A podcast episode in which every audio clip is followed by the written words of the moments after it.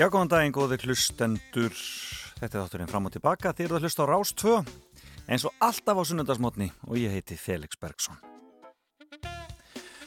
Já, það er ljúfur morgun hér í höfuborginni. Það er búið að lína hjá okkur og stjórin að mestuleiti farin og um, þetta eru svona dagar sem eru tilvaldir til útivistar og þetta segja það fór aðeins í hjólatúri gær og það var alveg ótrúlega gaman að sjá fólk, hvað var mikið af fólki á ferðinni á gungu og hjólastífum borgarinnar?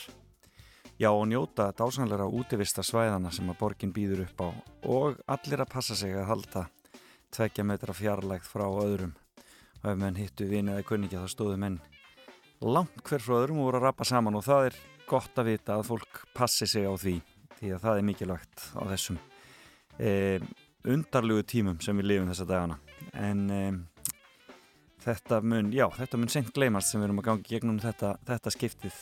En e, við förum í gegnum þetta saman og ég, eins og ég segi hvet bara fólk til þess að fara og ná sér í súrefni í lungun. Ef það hefur til þess möguleika getur komist af stað. E, það er alveg ótrúlega gott aðeins að, að reynsa hugun en e, ég fæ góða gæsti til mín hér í e, fram og tilbaka í dag. Við ætlum að vera með ykkur í, í, í góðum fíling og fyrsti gæstu minn kemur í fimmuna og hann heitir Kristófur Dignus og er leikstjóri aðalega í sjónvarpi og gerir bæði leikna þætti og heimilda þætti og, um, og hann ætlar að eh, fara með okkur í gegnum einhverja skemmtilega fimmu, hlakka til að heyra hvað hann hefur fram að færa.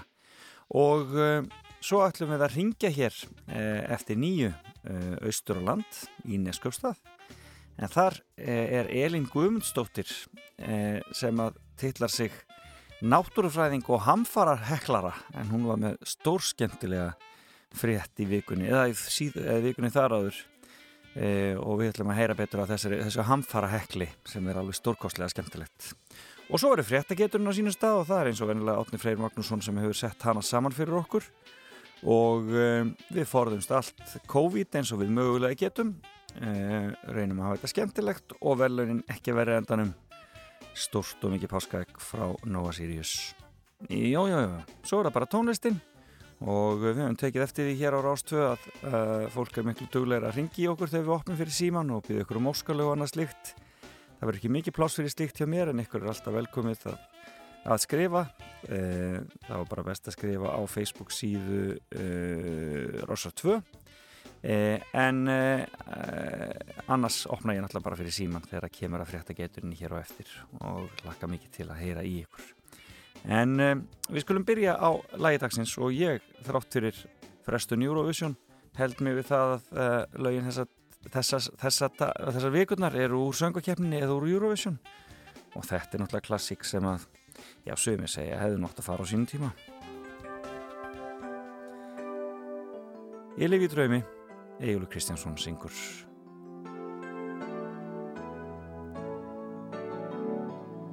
Ég lifi í draumi Dreg hvergi mörgin dags og nætur.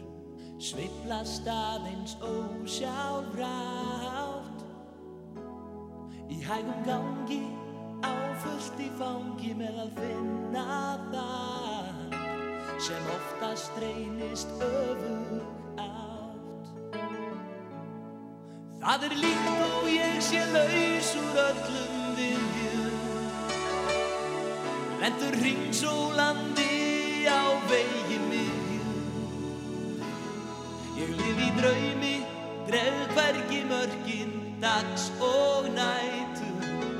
Sveiflast aðeins ósjálfrátt. Ég lif í tómi, tek engan þátt í trilltum dansi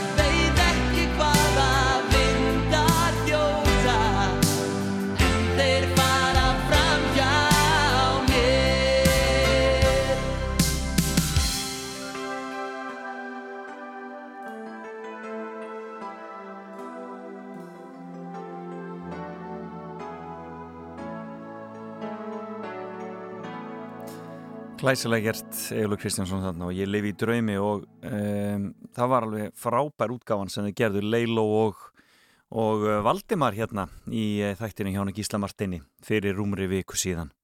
E, og sérstaklega vel gert hjá þeim frábæru, frábæru listamönnum. En það flott poplag hérna á ferðinni og hægt að gera mikið við það. Þetta var Ég lifi í draumi en hér eftir smá stund þá er það Kristófur Dignus og Fimmann Hans en við byrjum eitthvað staðar, allstaðar, annar staðar Beint úr efstaleitinu í Reykjavík fram og tilbaka á Rástfö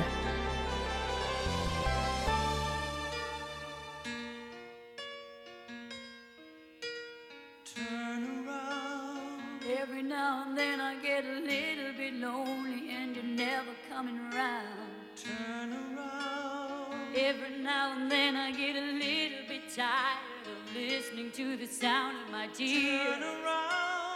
Every now and then I get a little bit nervous that the best of all the years have gone by. Turn around. Every now and then I get a little bit terrified and then I see the look in your eyes.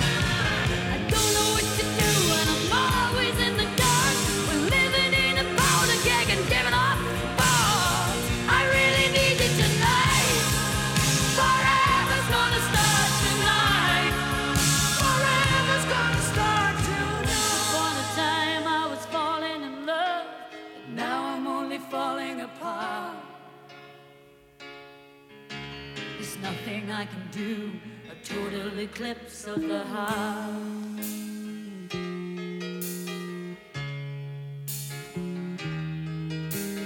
Once upon a time there was light in my life, but now there's only love in the dark. Nothing I can say, a total eclipse of the heart.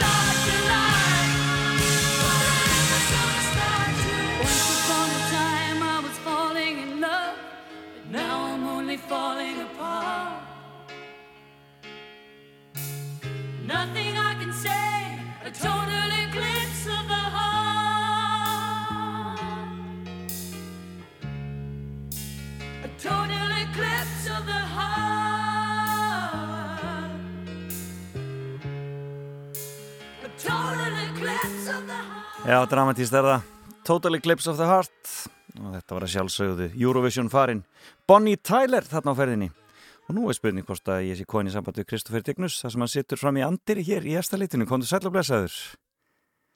Heyrur í mig, Kristoffer? Nei, hann heyrir ekki mér, þannig að ég þarf að skoða þetta eitthvað aðeins nánar eh, og tekka betur á því. Þannig að ég ætla að eh, setja eitt lag í gang í viðbútt og sem að tengist spjallin okkar hér á eftir. Heyrum aðeins í KK og hérna, reynum að koma Kristoffer í gang. Í gang.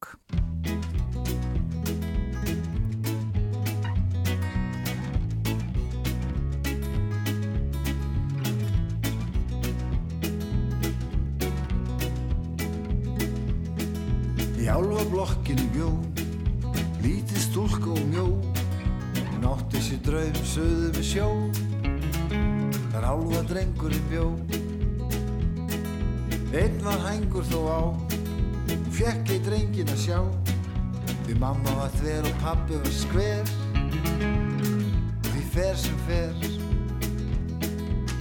Babú, babú, hætta á ferð, Babú, babú, svon er að skapa þjóðfélagslegg Bæði vörðu við, við grett og yldu sig Skeikar á sköpum sama en ég hún skellt á eftir sér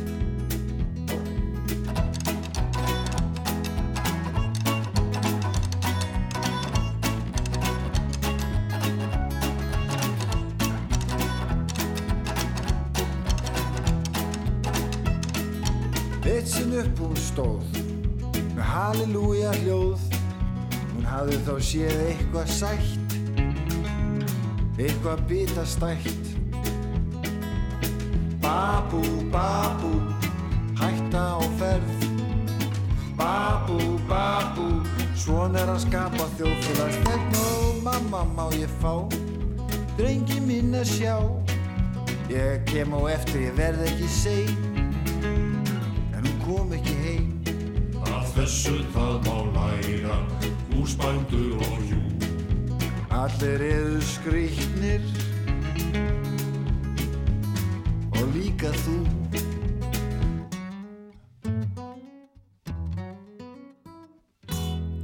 Já, KK þarna og, um, og nú er Kristofur Dignus komin í samband.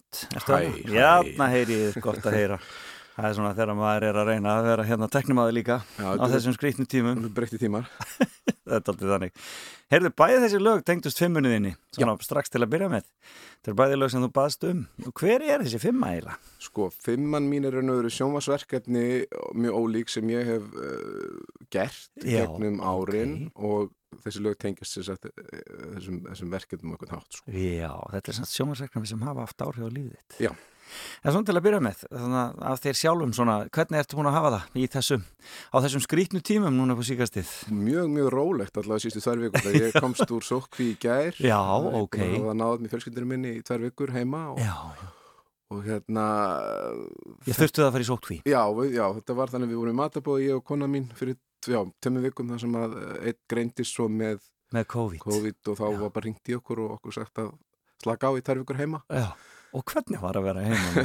er, þið, hvað í það að bönnum? Við eigum þrjú börn Já. og hérna við erum mjög samrýnd fjölskylda og okkur líður vel saman þannig að við erum heppið hvað það varðar að Já. þetta bara leið bara rætt og, og, og vel sko. Já, Og krakkat er náttúrulega í skólanum, einhverju svona smekkæri mynd náttúrulega. einmitt.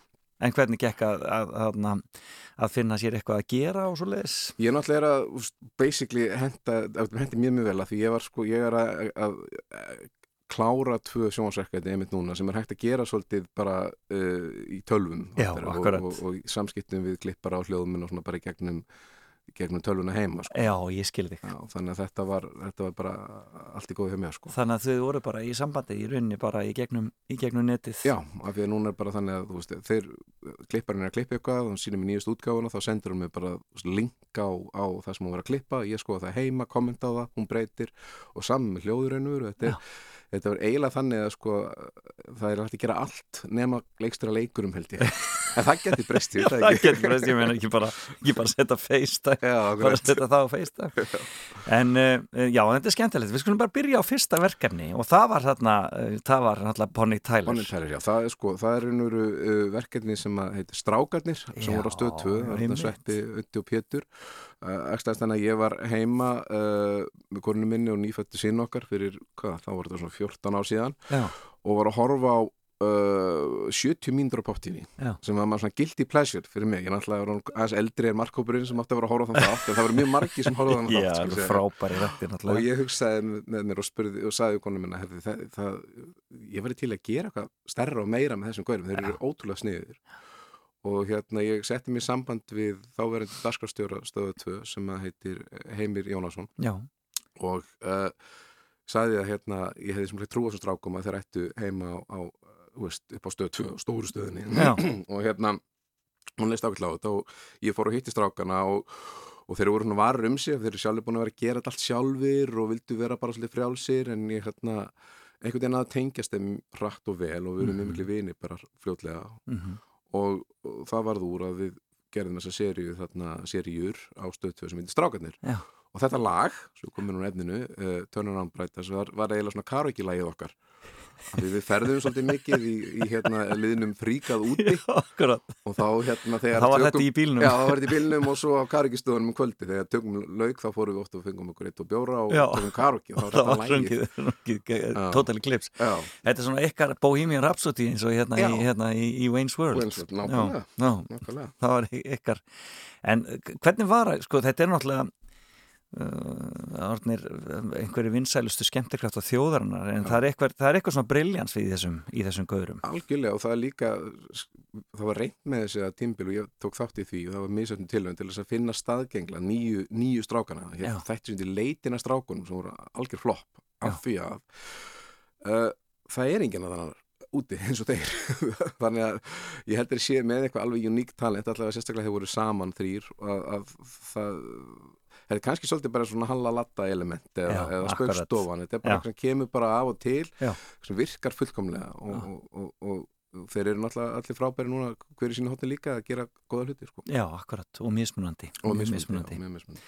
þannig að þetta verður mikið eftir og ég menna kom það þér óvart hvað þetta sló ævintirlega í gegn Nei, eins og sé, ég, ég bara vissi þetta alveg bara hvað ég sá það í, hérna, Í 70 mínútum, þessi, já. þessi gæðir eru bara náttúrutalent. Já, þarna er eitthvað sem hægt er að og, og það var rosalega skemmtileg tími og ég lærði fullt líka að, að vinna með þeim. Já, bara í sambandi við hérna skemmtefni og komedi og svona og hvernig, hvernig hvað er hérna er viðkvæmt að fyrirbæri að, að þú veist er lína þarna og, að- sem að maður þarf að passa sig að dansa og svona og maður við stuðum stundum yfir línuna og þá lærið maður að því og það Já, það var góð skóli sko. já, hvað eru þetta margar? hvað eru þetta Ef við gerum held ég þrjár serjur eða þrjú sísón af, af strákunum á stöð 2 sko. Já.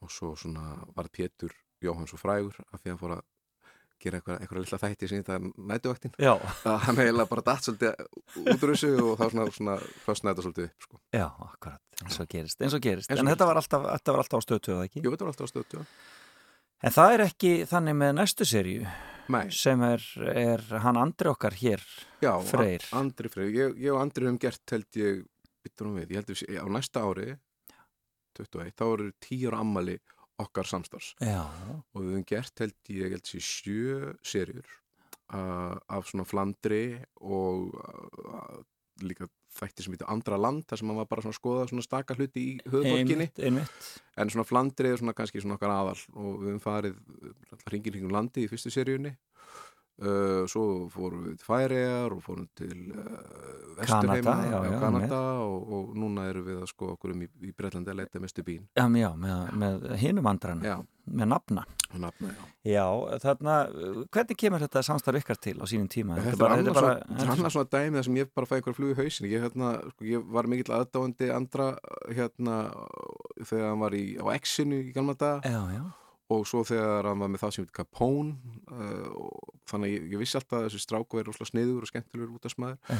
svo heyrði ég hann gera eitthvað ég, held, ég man ekki, ég held að það hefði verið þar ástöð eitthvað svona einslag bara þar sem hann fór og, og, og var að kynna sér drekan sjoppuna í, í þingoltunum já drekin já, einmitt.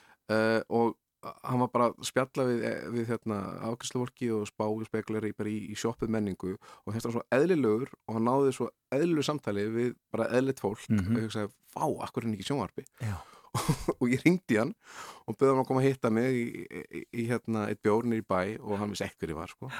og var svolítið varum sér líka en hérna við einhvern veginn náði að, að véla niður yfir það að, að prófa þetta með mér og við fórum og, og gerðum þessa fyrstu seríu En skemmtilegt. Gaman Og, svo og hún, hún fær beintin á rúfi eða Jú, hvað? hún var beintan rúf, já, hérna Já, hún fór beintan rúf og, og, og vakti svona lukku því að hann er eins og segja, hann er svona svolítið svona uh, ásæll Já, Gaur, og, og, og hérna, góður í ég mitt að, að, að finna svona aðra hluti en það sem er svona venjulega Já, er verið að, að draga upp.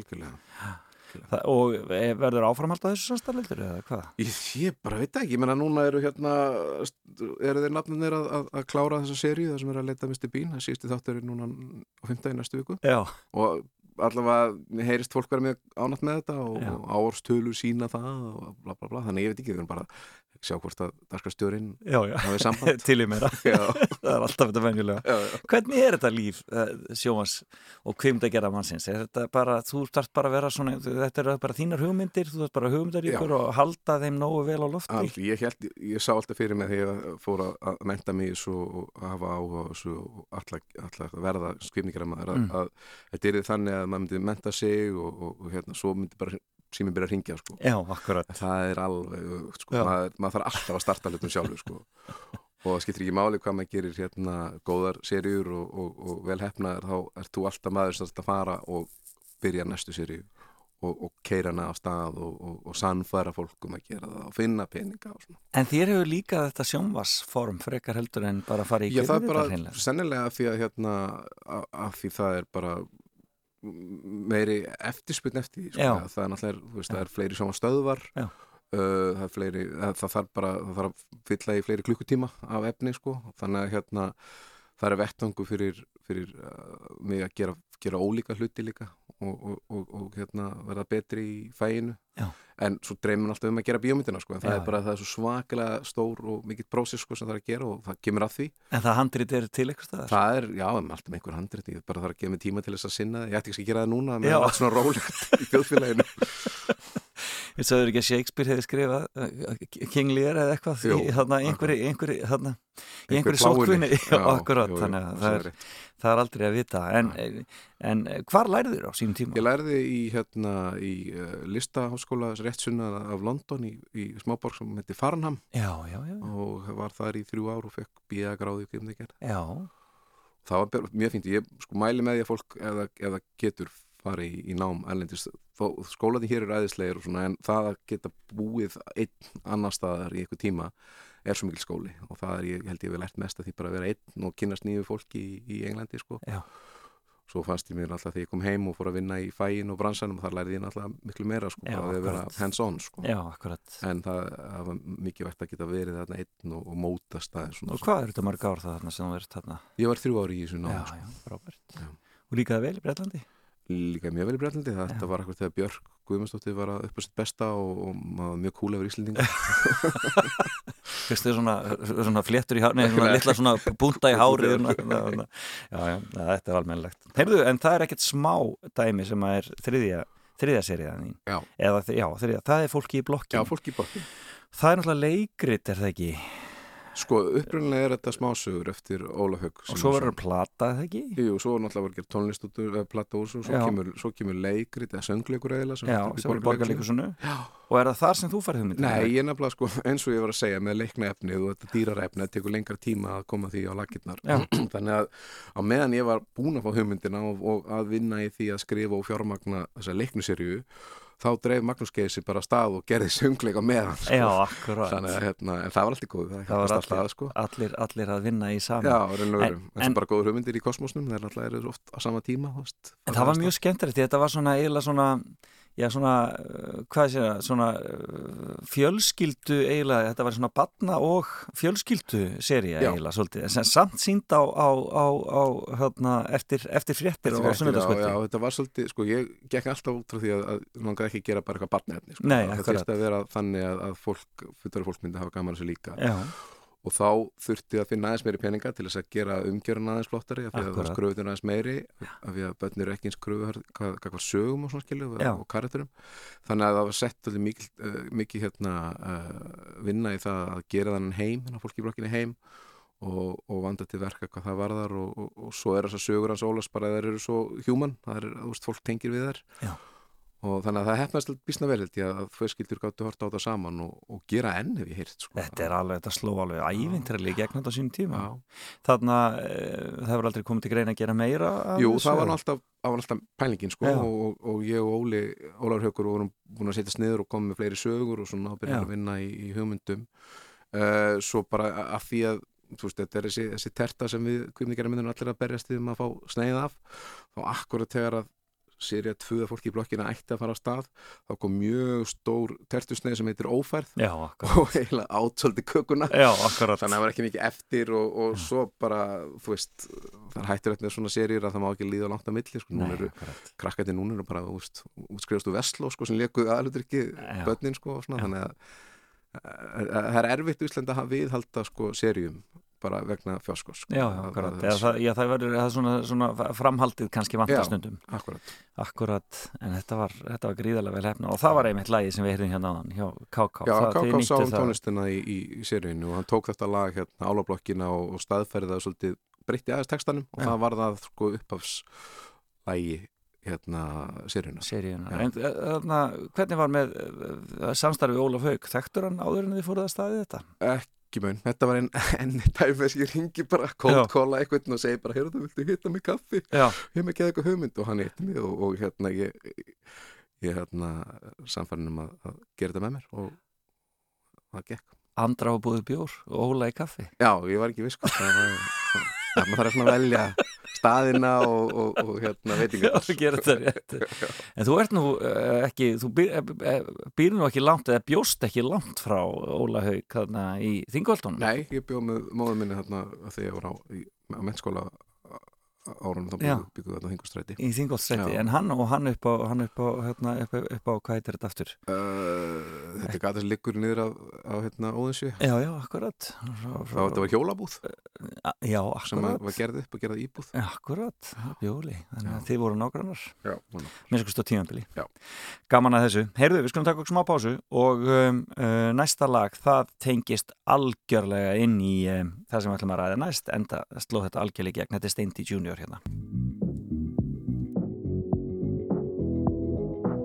Skelli mér í bankan, enga bakþanga Nú verð ég með og ég ætla að taka allan pakkan Krómaðu bílis og Pállóskar Fuck it, kaupi bílinn hans Páls Óskar. Og fyrir aðeins meira fjö, það fylgir Palli með. Hann stappar í mig stálin en mér líður ekki vel.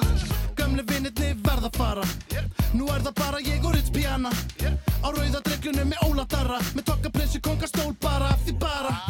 Ég kaupi penthouse og sætlinur. Klósett setan fyrir hægt niður. Mér þjón sem er fjastýrður lagnir í gólfinu. Gólfið er svo heitt að ég get ekki lappa Gólfið er svo heitt að ég get ekki lappa Gólfið er svo heitt að ég verð bara að dansa. Verð bara að dansa, verð bara að dansa. Og allir missa sig, allir missa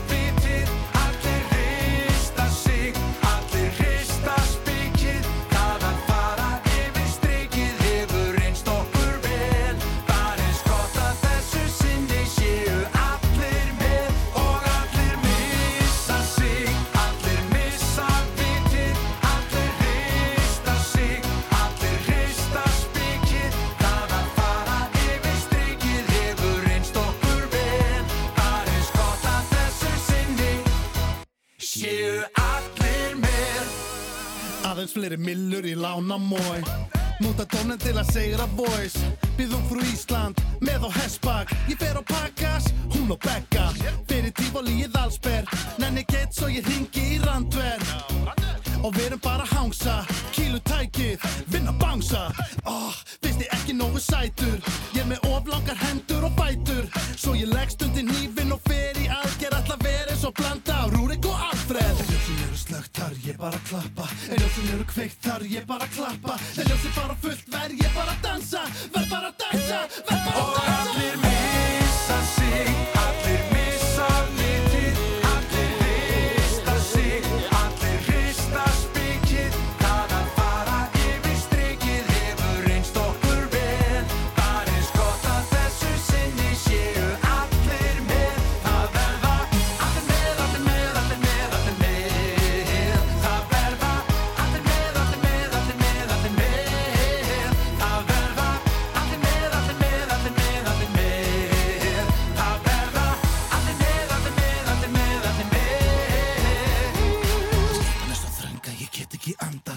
bakið orðið sveitt og ég perla í framann Með langa pínu heim en það er samt alveg gaman. Samt alveg gaman, samt alveg gaman. Þessi drikkur er svo sterkur að ég ætti að blanda hann. Hann er bara svo feskur að ég verð bara að þamba hann Það pínu illt í magan en mér er alveg sama Því ég verð bara að dansa, verð bara að dansa. allir missa sig, allir missa vitið, allir hrista sig,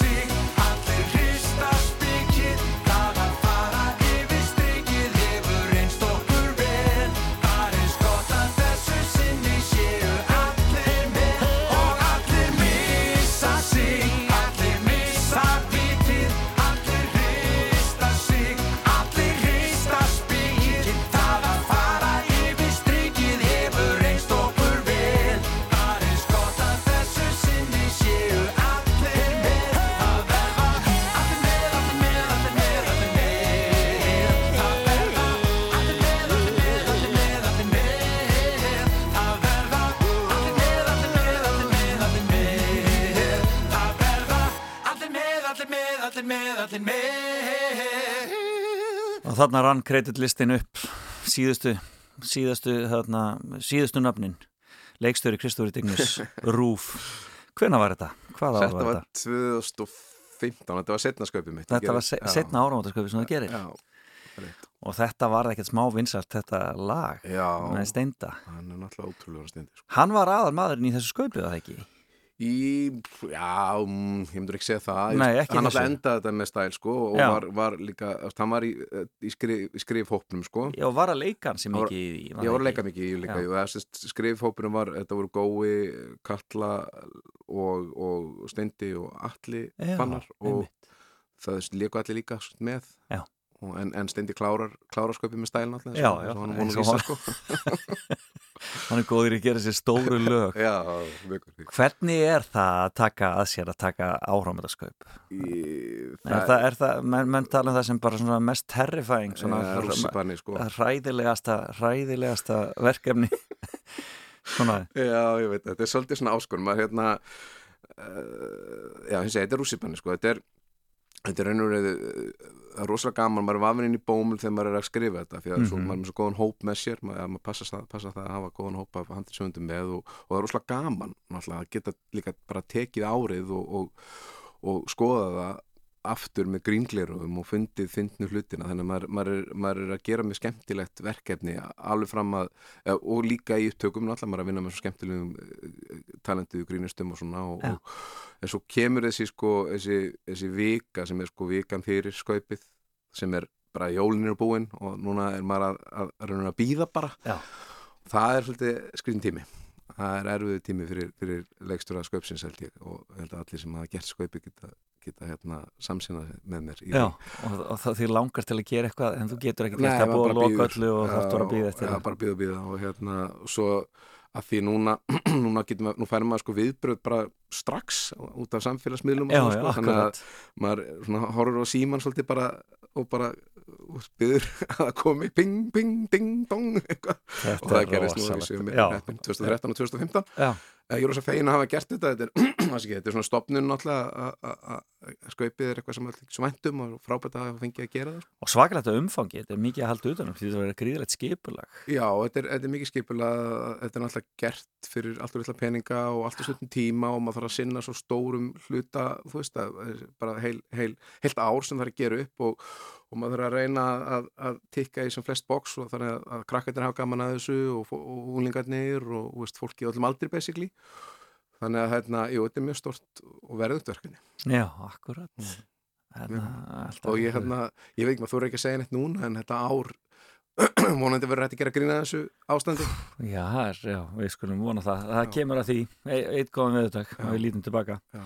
Þarna, e, fylgistu vel með fréttum og svo leiðis svona með það í huga ef að, því kemur að þú gerir skaupið það árið? Já, það gerist sérstaklega á, ef maður byrjar að gera, gera eitt skaup og breytist maður aðeins kakvart sko fréttum í framhaldi af því Þegar að horfa þér öðru Já, vísi. maður byrjar að pikka upp svona hluti og sjá þetta getur að fyndið, þetta er sniðið, taka það vikil og þetta, ba, ba, ba. Jú, þannig að, jú, jú ég fylgist alveg ágætlega með Já. fréttum, um það. Já, akkurat. Skemmtilegt. Þetta er orðið heilmikið, þetta er nú engin smá hérna, e, ka, er e, katalókur hérna, sko strákarnir, flanduserjan, fólki í blokkinu og áramöndaskaupin og nú er þessi nýja að koma og það er svo 15 á síðasta.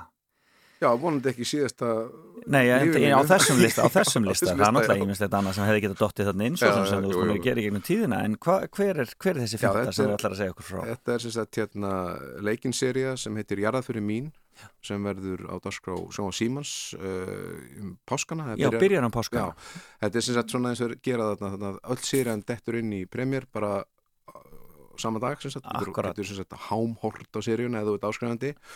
Uh, kemur hann inn held ég bara á skýrdag nýjön, já, held að uh, og svo kemur serían uh, í línlega í dagskrá fljóðlega eftir það, sem sagt einu sinni í viku þetta er 6-8 serja Akkurat, þetta er sex þættir. Og, og, og það, maður er búin að vera að sjá um þetta, vera að tala um þetta þetta sé í gangi og, og vera að sína myndir frá tökum og eitthvað svo leiðis Já.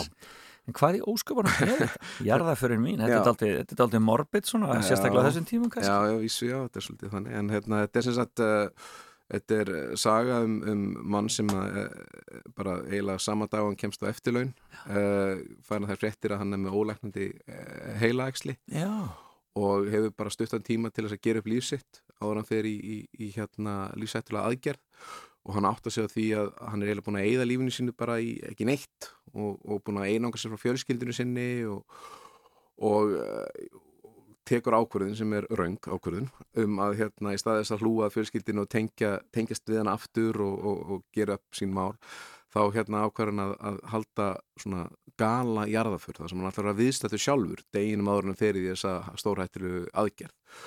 Og allur peningur hans og, og, kraftar og tími fer í það að skipilgja þessa jarðaför og þannig að hann er að brenna brýr alveg hægri vinstri meðan hann að gera þetta og, og fjölskyldur hans er að, að- að missa vitið á honum og þeir, og þau, þau vita að hann sé að gera Já, það, hann hann hefur er að- vita að að halda jarðaförin Já, þau vita, já, þeir eru að reyna, reyna að koma vekk fyrir það, að reyna, reyna, úst, reyna að láta hann hérna, átta sig hvað þetta er astanlegt sko. en hann bara heldur áfram hann er þróskur og þessi maður er leikinn af Þóralli Sigurssoni já, sem að er kannski betið þetta sem Latti einmitt. Og þetta er kannski Latti sem að ég, ég hef alltaf mjög lengi viljað sjá að þetta er Latti að leika dramalhuturk uh, og hann er frábærið ef ég segi sjálf, hann Já. er hérna alveg stórkurslega góð leikari. Og þarna tókum við alla karakterinn hans og læstum kyrfilegni í skáp. Já, og ég fekk bara að hafa leikilinn töluðum þetta ég á Latti þegar við vorum að undirbúa okkur. Já. og bara að ég sá glitta í Eirík eða, eða skúla þá sagði ég, nei, nei, út með þetta, út með þetta, tilbaka já, og hérna, hann bjóð til hennar frábæra kart sem heitir Benedikt sem að hérna er svolítið svona hann er svolítið svona fullamóti til að byrja með og, og, og umulugur en, en svo vonandi munu árundur byrja að þykja væntum hann og, og, og hérna sjá, sjá, hvað, Sjá. Hvað, hvað, hvað mannin geymir. Já, akkurat.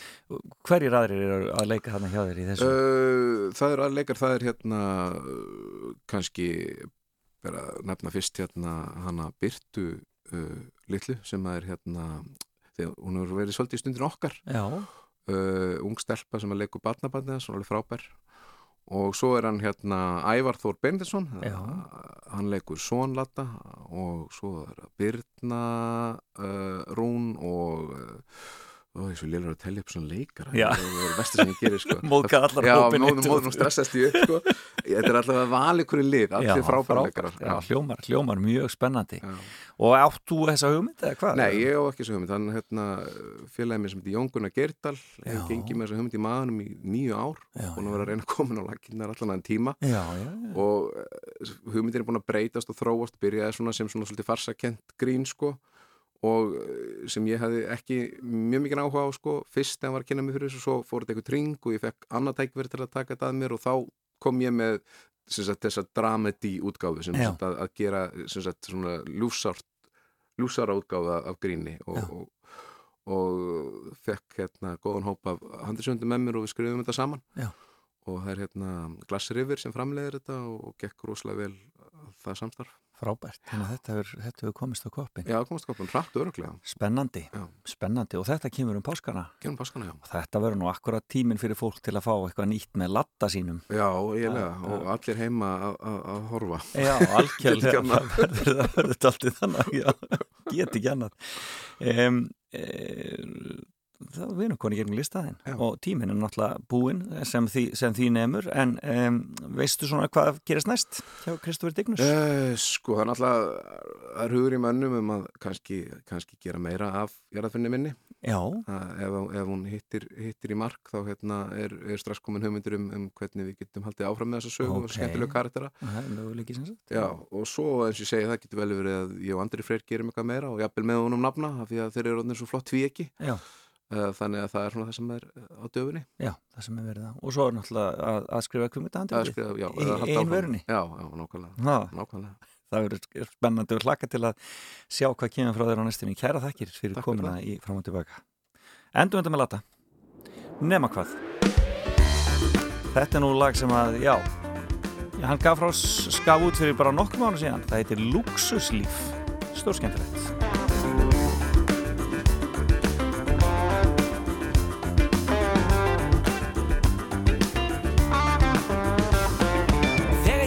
Orðin 71 hætti ég að vinna undir eins. Ferðast um heiminn og slappa af. Hend öllum áhyggjum langt út á haf. Kaupi hús og spáni með sundlaug og allt. Get setið út á svölum, það er aldrei kapp fer í golfa hverjum degi og fæ mér í glas. Enginn að bögga mig og enginn með þras Lúksuslíf, já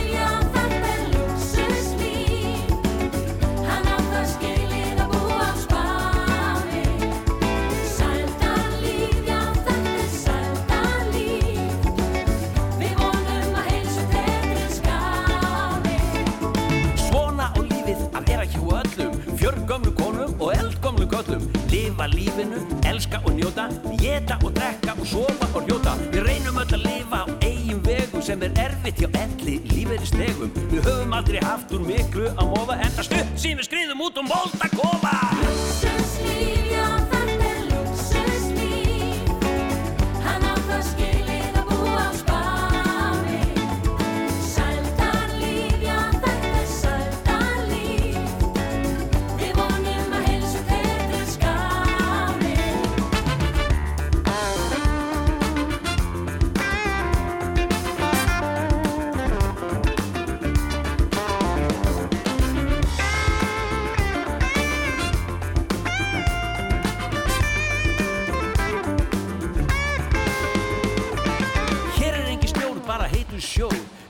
Fullt af börum og kaldu bjór.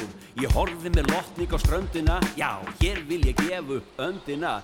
Hvað er betra en að liggi leti Í glampandi sól og mjúku fleti? Í annari hendinni held ég á bók En í hinni ég sjálfsögðu vodka og kók. Lúksuslíf, já þetta er lúksuslíf Hann á það skilið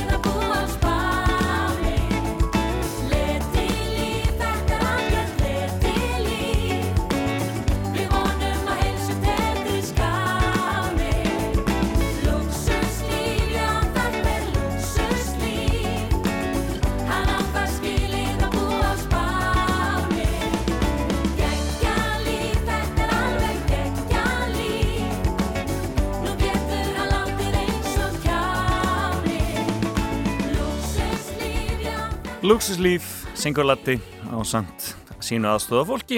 Og eh, já, þetta lag kom út fyrir já, hverjum þrejum fjórum árum síðan og það verið spennand að sjá þessa nýju serju með Latta, eh, Jarðarförin mín heitir hún. Eh, en eh, Kristoffer Degnus farin á dyr. Gaman að fá hann í heimsókningað í efsta leitið. Á RÚF í kvöld, klukkan 20, Landinn, klukkan 20.30, Háski, Fjöllin Rumska, klukkan 21.15, Sænsk-Íslenska spennuþáttaröðin Ísalög, klukkan 22.20, Pólskir dagar, Þrýr litir, Rauður. Þú ert að hlusta á Fram og Tilbaka á Rástfö.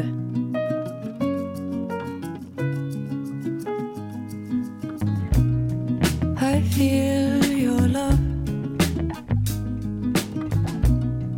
I feel was a child, I never knew enough what that do to me.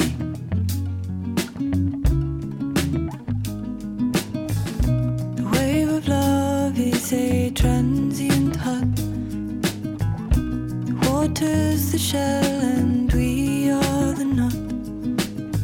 But I saw a hand dodge out of the barrel.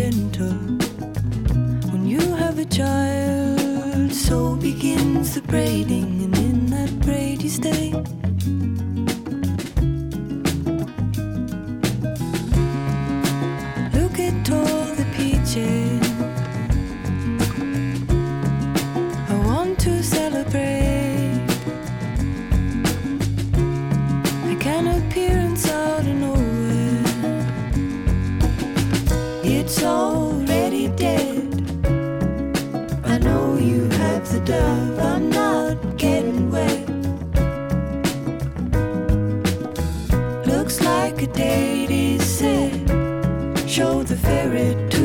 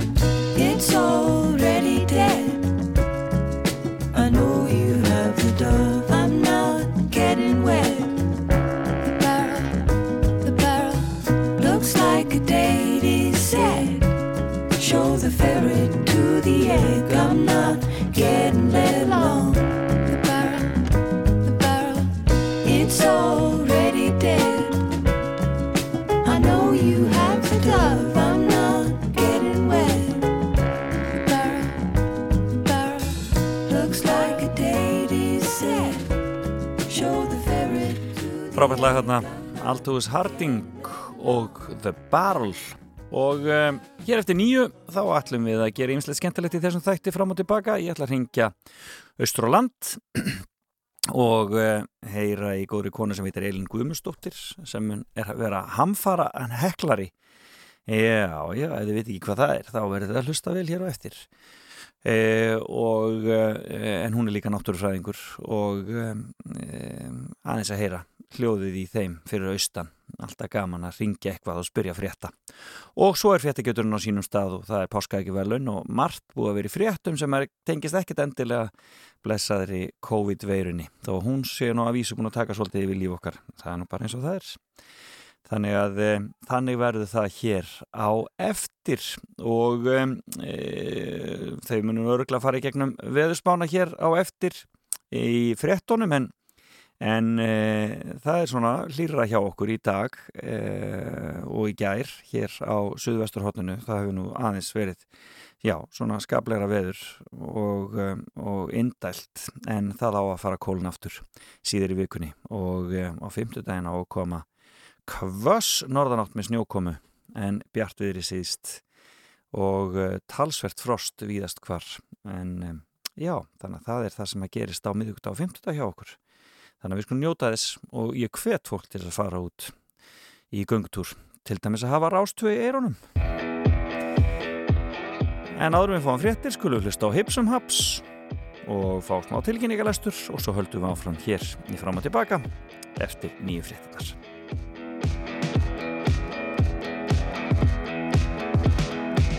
Byrja allt saman sem djók Eftir sleika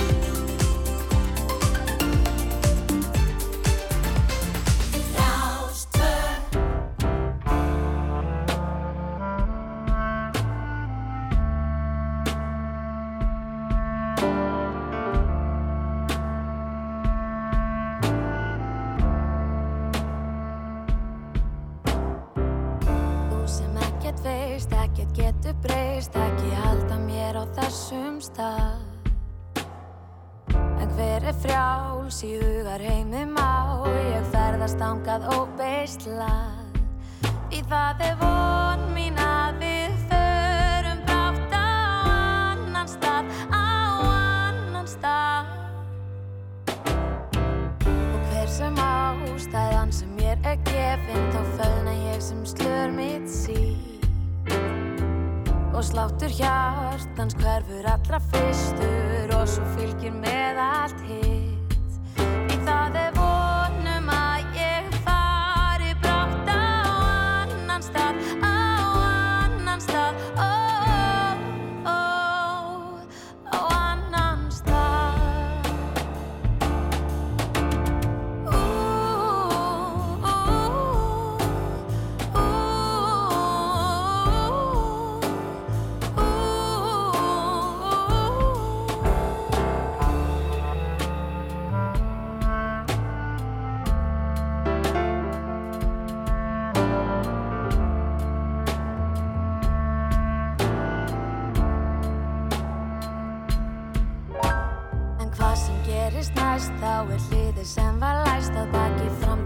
og skrifað blad Og frálsi sem ég þrái, veit ég finn það hjá þér. Við dansum inn í nóttina.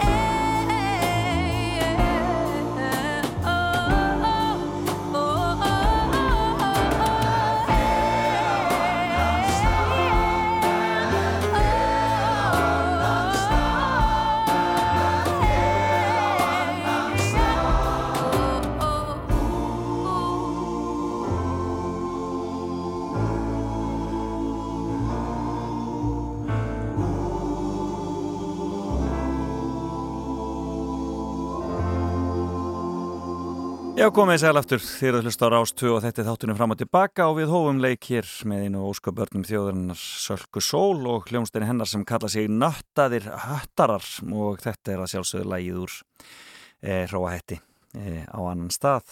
Já, Rás 2 er það og e, já, það er klukktími eftir hjá mér áður en að ég hleypi Jóni Ólafsinni hér að með sinn sunnudagsmorgun og um, um, við ætlum að gera margt skemmtilegt þessum klukkutímanum meðal annars ringja í neskjöpstað og svo verður fréttageturinn hér á sínum staða eftir. Og svo er það líka bara tónlistin og kvín eru næstir.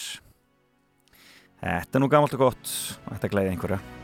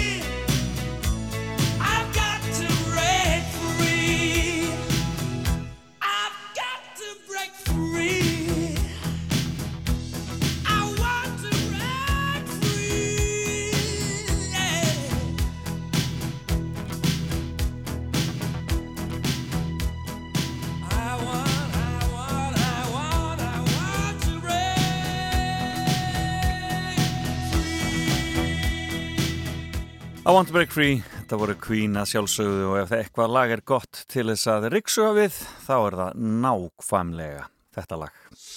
Rástvö, fyrst og fremst. Rástvö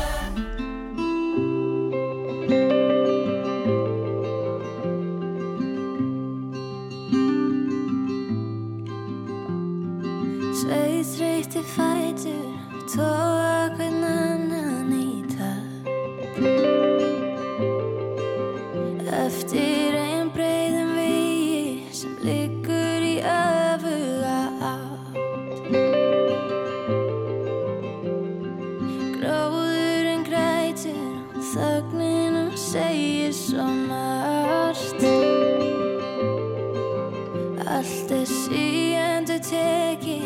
samt eða svo mikið og satt Ég sver að grasið var græna og fjallaðan hér er ég nú. Allt er svo litlust og grátt. Ég get leitað og leitað fram að heimstand og út og gefið allt sem ég átt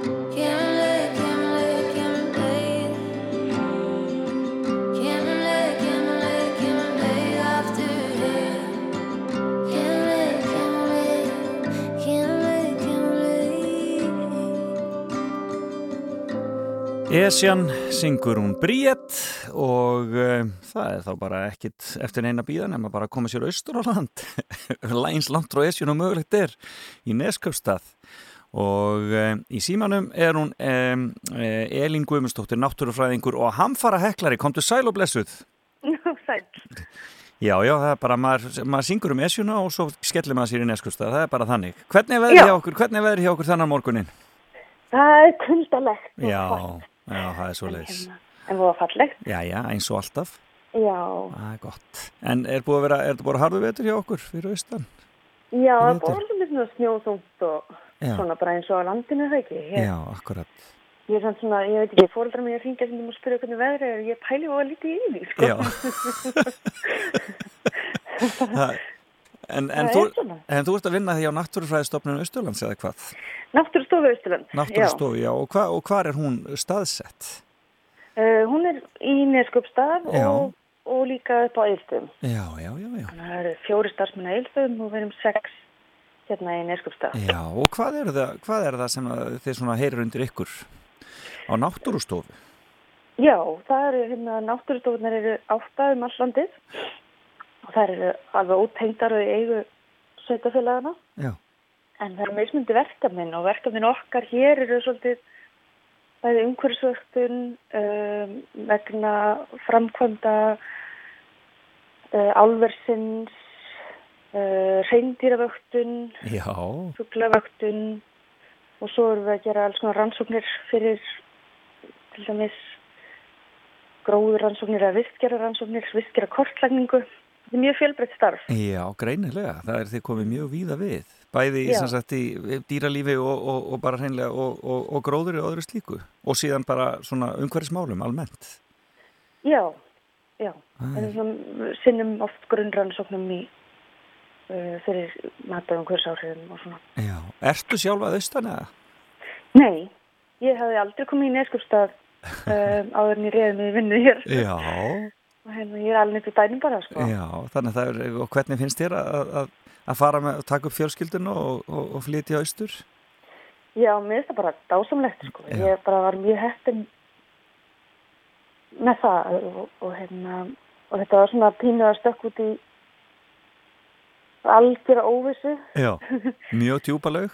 Já, en bara samfélagi hefur tekið það óbúslega vel að móti mér og mínum og við höfum verið, já, þetta er óbúslega svona gott samfélag. Fólk er, tekur vel að móti fólkinu og er til staðar og, og ég held að hissa bara allt sem maður að gera, nágrafnir og koma alltaf bara eftir mann, við hérna Benni, maður minn keftum íbúð, fyrst íbúðin okkur og tókum hann alveg í gegn, nágrafnir voru alltaf að koma bara óum beðin með sko verkfæri og tól og tæki og Já. hjálpa til og Já, einmitt. þannig að það er bara fólk er óðurlega svona indislegt svona og tekur vel sa- svona hvort annað. Það er frábært, já, það er akkurat svona eh, svo tilfinning sem ég hef einmitt ha- haft fyrir, fyrir samfélaguna þarna fyrir austan.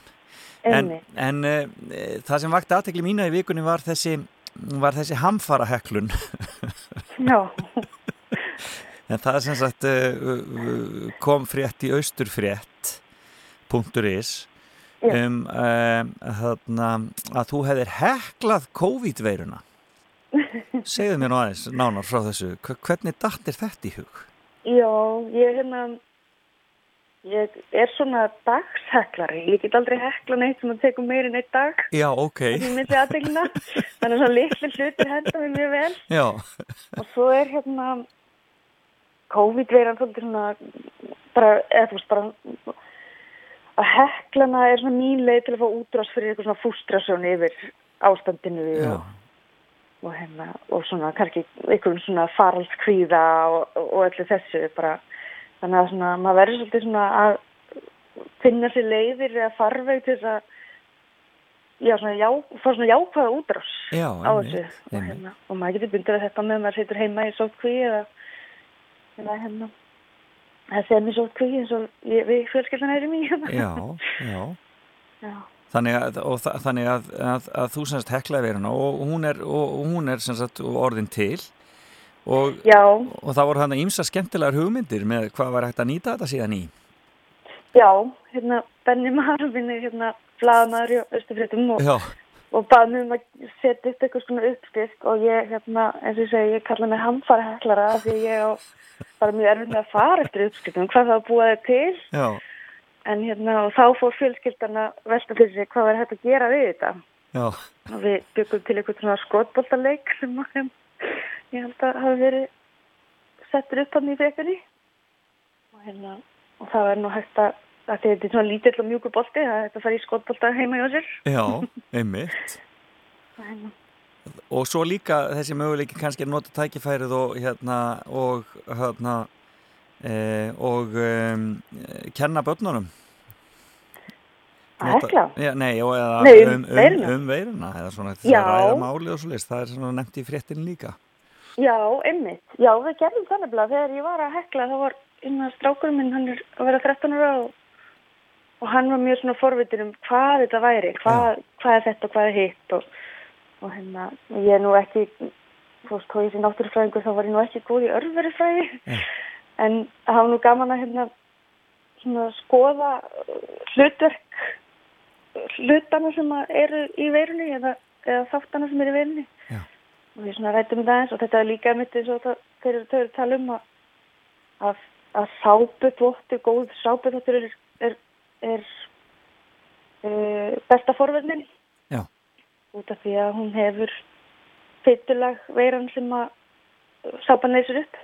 Einmitt. þá er að ræða það. Já, akkurat, þetta er, þetta er bara mjög sniðut en ég ætla að setja, ætla að setja hérna, link inn á Facebook síðu Bergson og Blöndal þannig að fólk geti kíkt á þetta. Og það er með sér uppskrift líka að, að heklinu. Já, ég fólk vill bara prófa. Brúgleg uppskrift. Já, akkurat. Þetta er bara hrikalega skemmtilegt. Sniðugt og mjög skemmtilegt. Heyra. Já, en það, ég veit að það eru hérna, uh, spennandi tímar framöndan hjá ykkur fjölskyldunni. Já. Það er að bætast í, bætast í hópin en það ekki? Jú, við, við erum vona á barn í byrjun mæ Ó, spennandi. Já, Það er alltaf eitthvað gott að eiga eitthvað svona ljós við endan á göngunum já, akkurat, þetta er skrifni tímar sko en, Já, akkurat. en maður bara tekur um í ró og, og, og heldur sem mest heima og, Algjörlega. og hérna, bara svona fer inn, inn á við og í núvitundina en ekki það sem allir eru að læra að gera núna? Algjörlega og þetta minnum hann á að lífið heldur áfram. Akkurat, nákvæmlega. Frábært. Gaman að heyra í þér eh, og Elin Guðmundsdóttir og þarna eh, bara byrð kærlega að hilsa austur og ykkur öllum og gangi ykkur vel Takk fyrir í þeim verkefni fyrir. sem framöndan eru og eins og ég segi þá ætlum ég að setja uppskriftina þína af hekluðu COVID-verunni inn inn á Facebook síðu Bergson og Blöndal og eh, eins og ég segi það er fullt af skemmtilegum hugmyndum þarna um hvernig væri hægt að nýta þessa þetta, þetta, þetta, þetta skemmtilega stykki. Já, Takk fyrir, Takk fyrir takk fyrir spjallið. Takk sem leiði Já, bless, bless. Bless, bless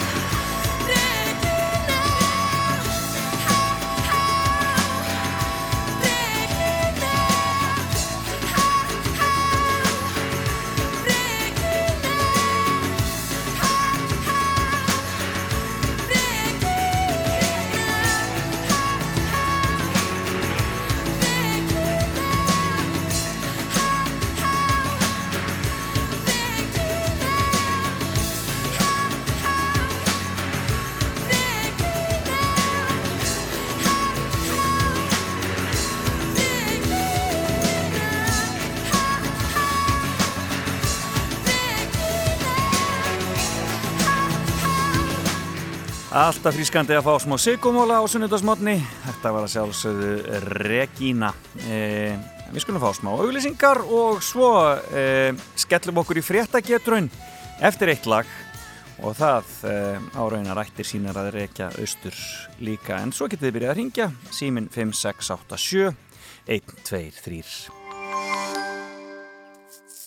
Lífið allt bærannan stíl, örfast kraftur stuðsins og frúin hlæri betri bíl frá bílasölu Guð. Guð finnur bíl fyrir þig. Sunnudagssæla á Rástfö. Fram og tilbaka. Sitja þau saman í ró Samband sem liði og dó Nú vonin er horfin á braut. Og hverstagur orðin er þraut. Ég horfi í augun þín grá. Þau þekki ekki það sem þau sjá. Þinn hugur er flógin á braut aldanna skaut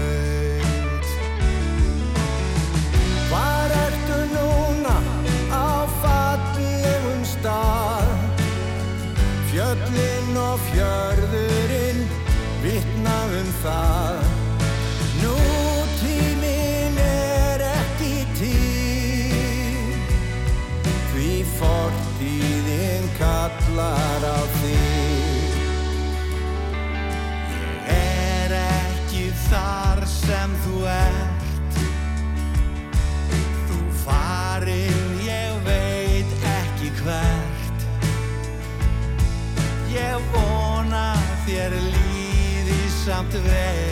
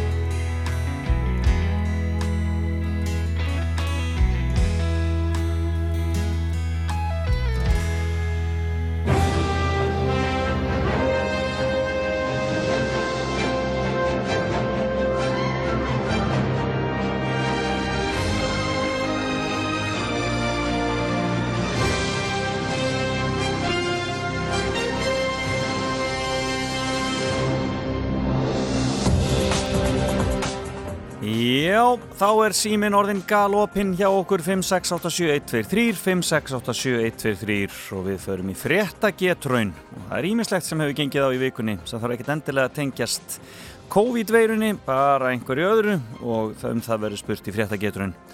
Og velun eru páskæk og við vorum að hlusta á uh, Guðmundur Abkjell Gíslason og Bubba Mortens og frábært lag frá þeim sem heitir Perla.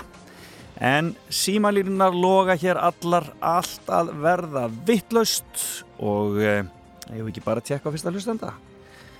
Góðan daginn. Halló, góðan dag, heyrur í mér? Já, góðan daginn. Sæl og bless, hvaðan ert þú að ringja? Uh, Garðabæ. Úr Garðabænum, heyrðu, við skulum tjekka á uh, uh, fréttageturinni. Ertu, fylgjastu sæmilega vel með?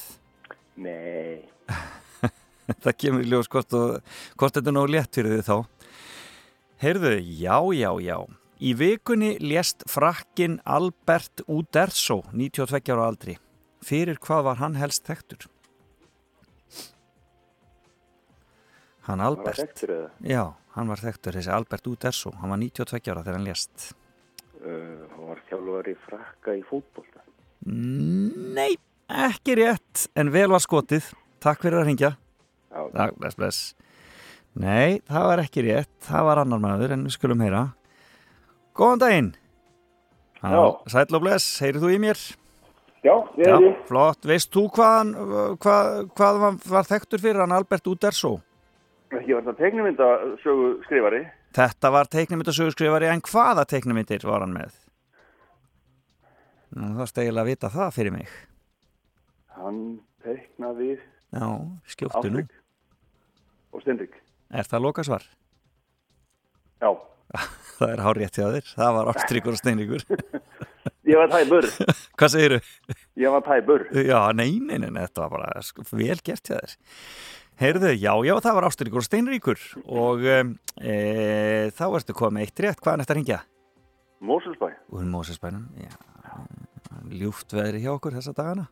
Jú, Í Mósó líka, vona ég. já, já, já, já. Heyrðu, síðan er það þessi hérna, næsta. Þú þarfst að svara þrjumur rétt til þess að fá páskaækið. Já. Í, á síðustu vikum hefur yfirmaður alþjóða heilbriðismálastofnunarinnar Tedros Ad Adhanom verið mikið í fréttum. En hvers lenskur er hann Tedros? Hann er frá ykkur Afrikuríki. Já, það er, er stór álfa til að veljúr. Manstu hvaða? Afríkuríki? Konan segir Eþjópíu, nei, Egyptalandi. Já, hvort er það? Egyptaland. Það Nei, það- nei, er það er- rangt hjá okkur. Já, ég, er það ekki Eþjópía? Já, ég ætla ekki að segja neitt.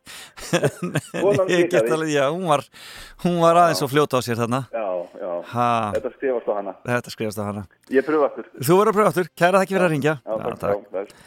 Já, nei, hann er ekki frá Egyptalandi.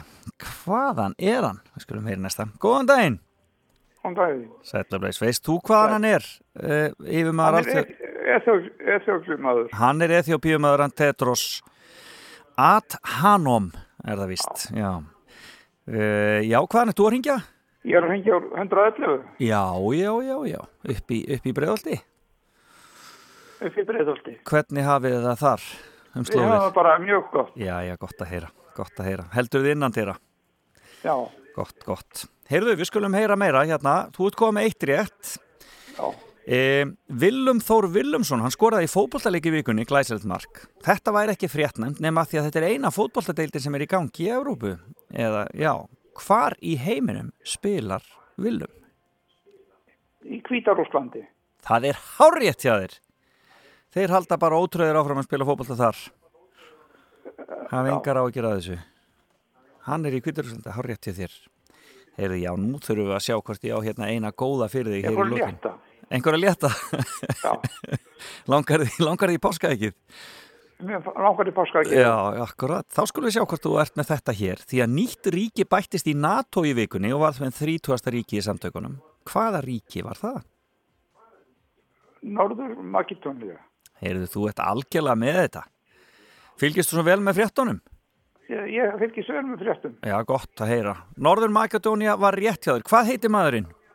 Hann heiti Gestur Kristjánsson. Gestur Kristjánsson. Og hvar í breiðoltin ertu?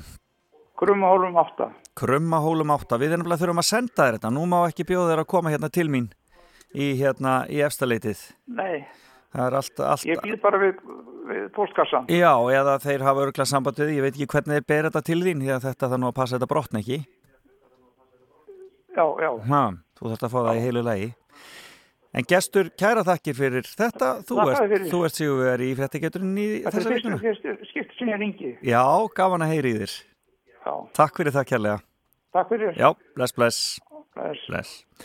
Já, þetta var hann gestur Kristjánsson Hann er sigurvegarinn í fréttageturinn þessa vikuna og tók þetta með trompi hérna hjá okkur eh, og fær fyrir vikið eh, eh, sendt páskaegg og ég þakka ykkur öllum sem að reynduð ykkur við fréttageturinn þessa vikuna Við verðum með hana sjálfsögðu hér aftur eftir viku.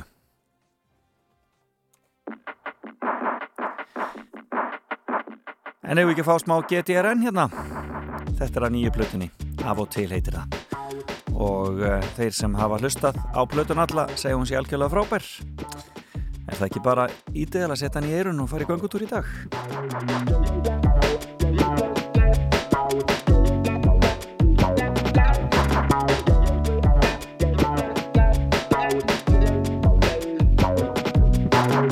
Þú og ég skilum hvort annað freka vel Líka þegar allt fyrir á annan veg Sama hvert það fer þá veistu að Þú veist að það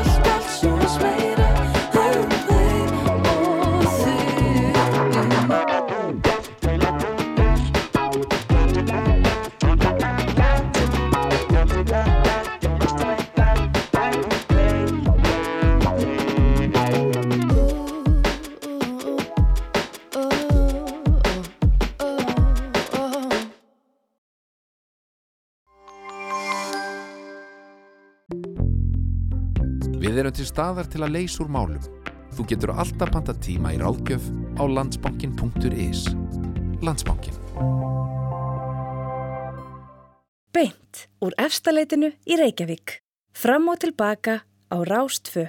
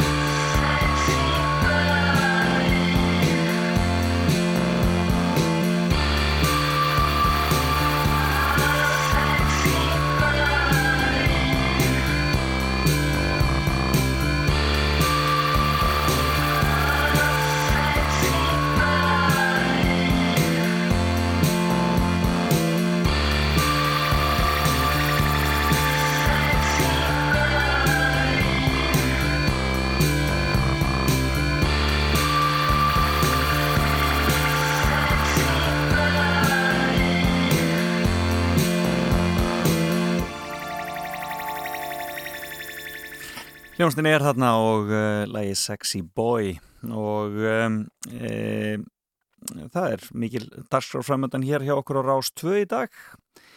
E, Jón Ólafsson byrjar hér eftir tíu með þáttinn sinn sunnudags morgun og um, hann var búinn að setja það inn á Facebook hvað það var aftur sem hann ætlaði. Hver var plata dagsins?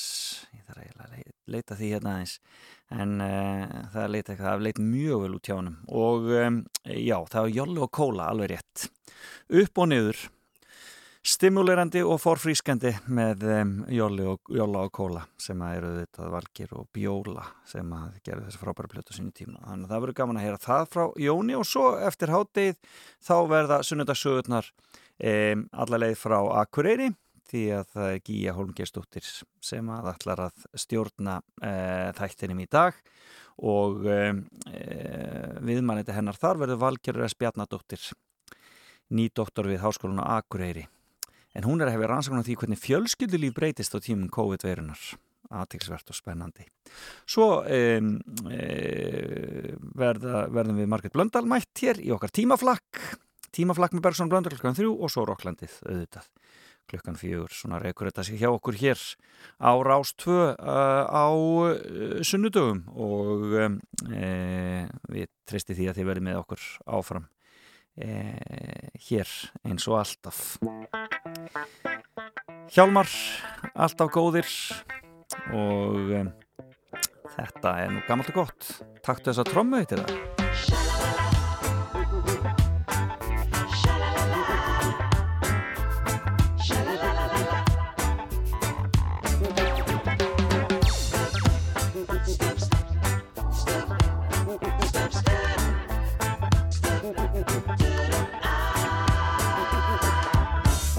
Taktu þessa trommu og tegð á hana skinn.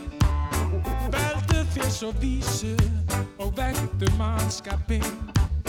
Stringdu hár í hörpu og hafðu þína raust. Þessi heitu hjörtu hamast skiliðis löst Þetta er allt sem ég óska mér. Að ég geti glast hér með þér. Engar áhyggjur, þetta fer allt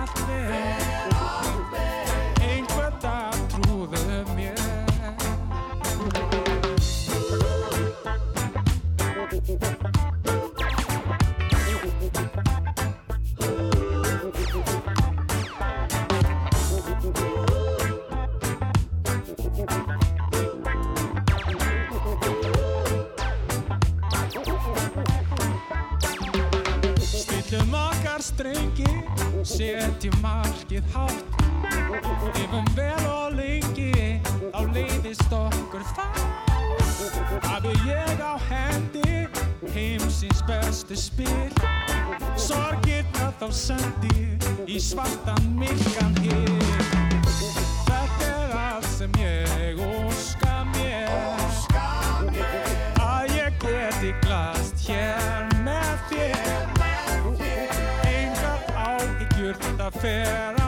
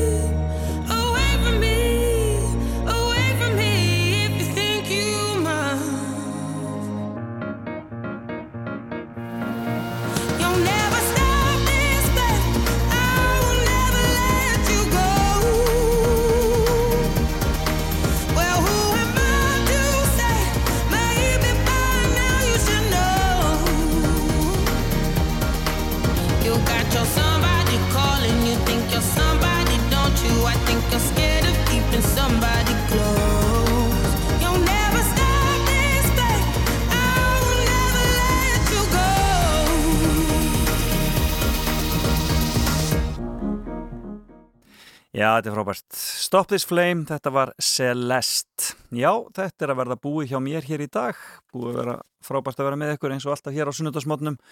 Uh, einstaklega ljúft uh, að fá að fylgja ykkur.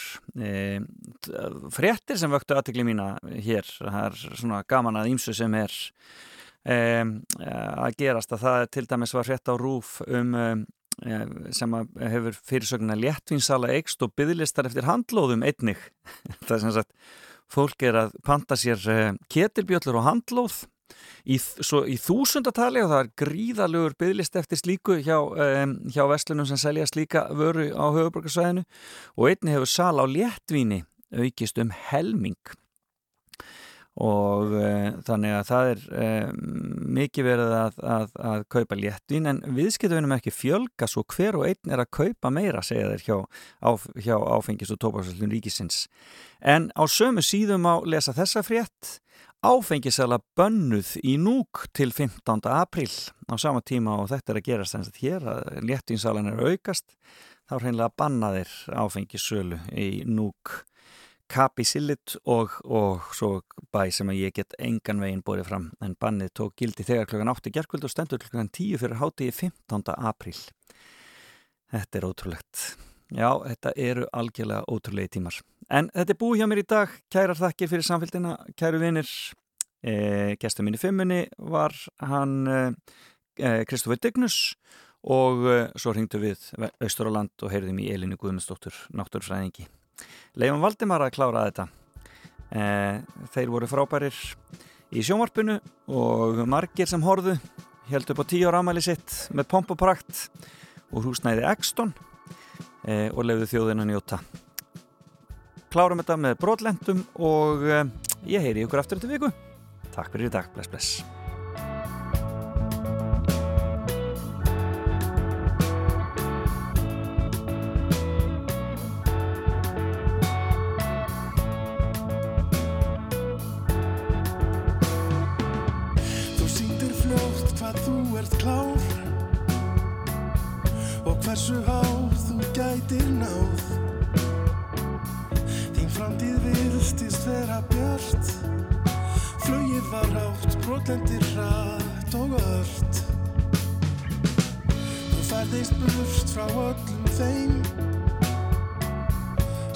divided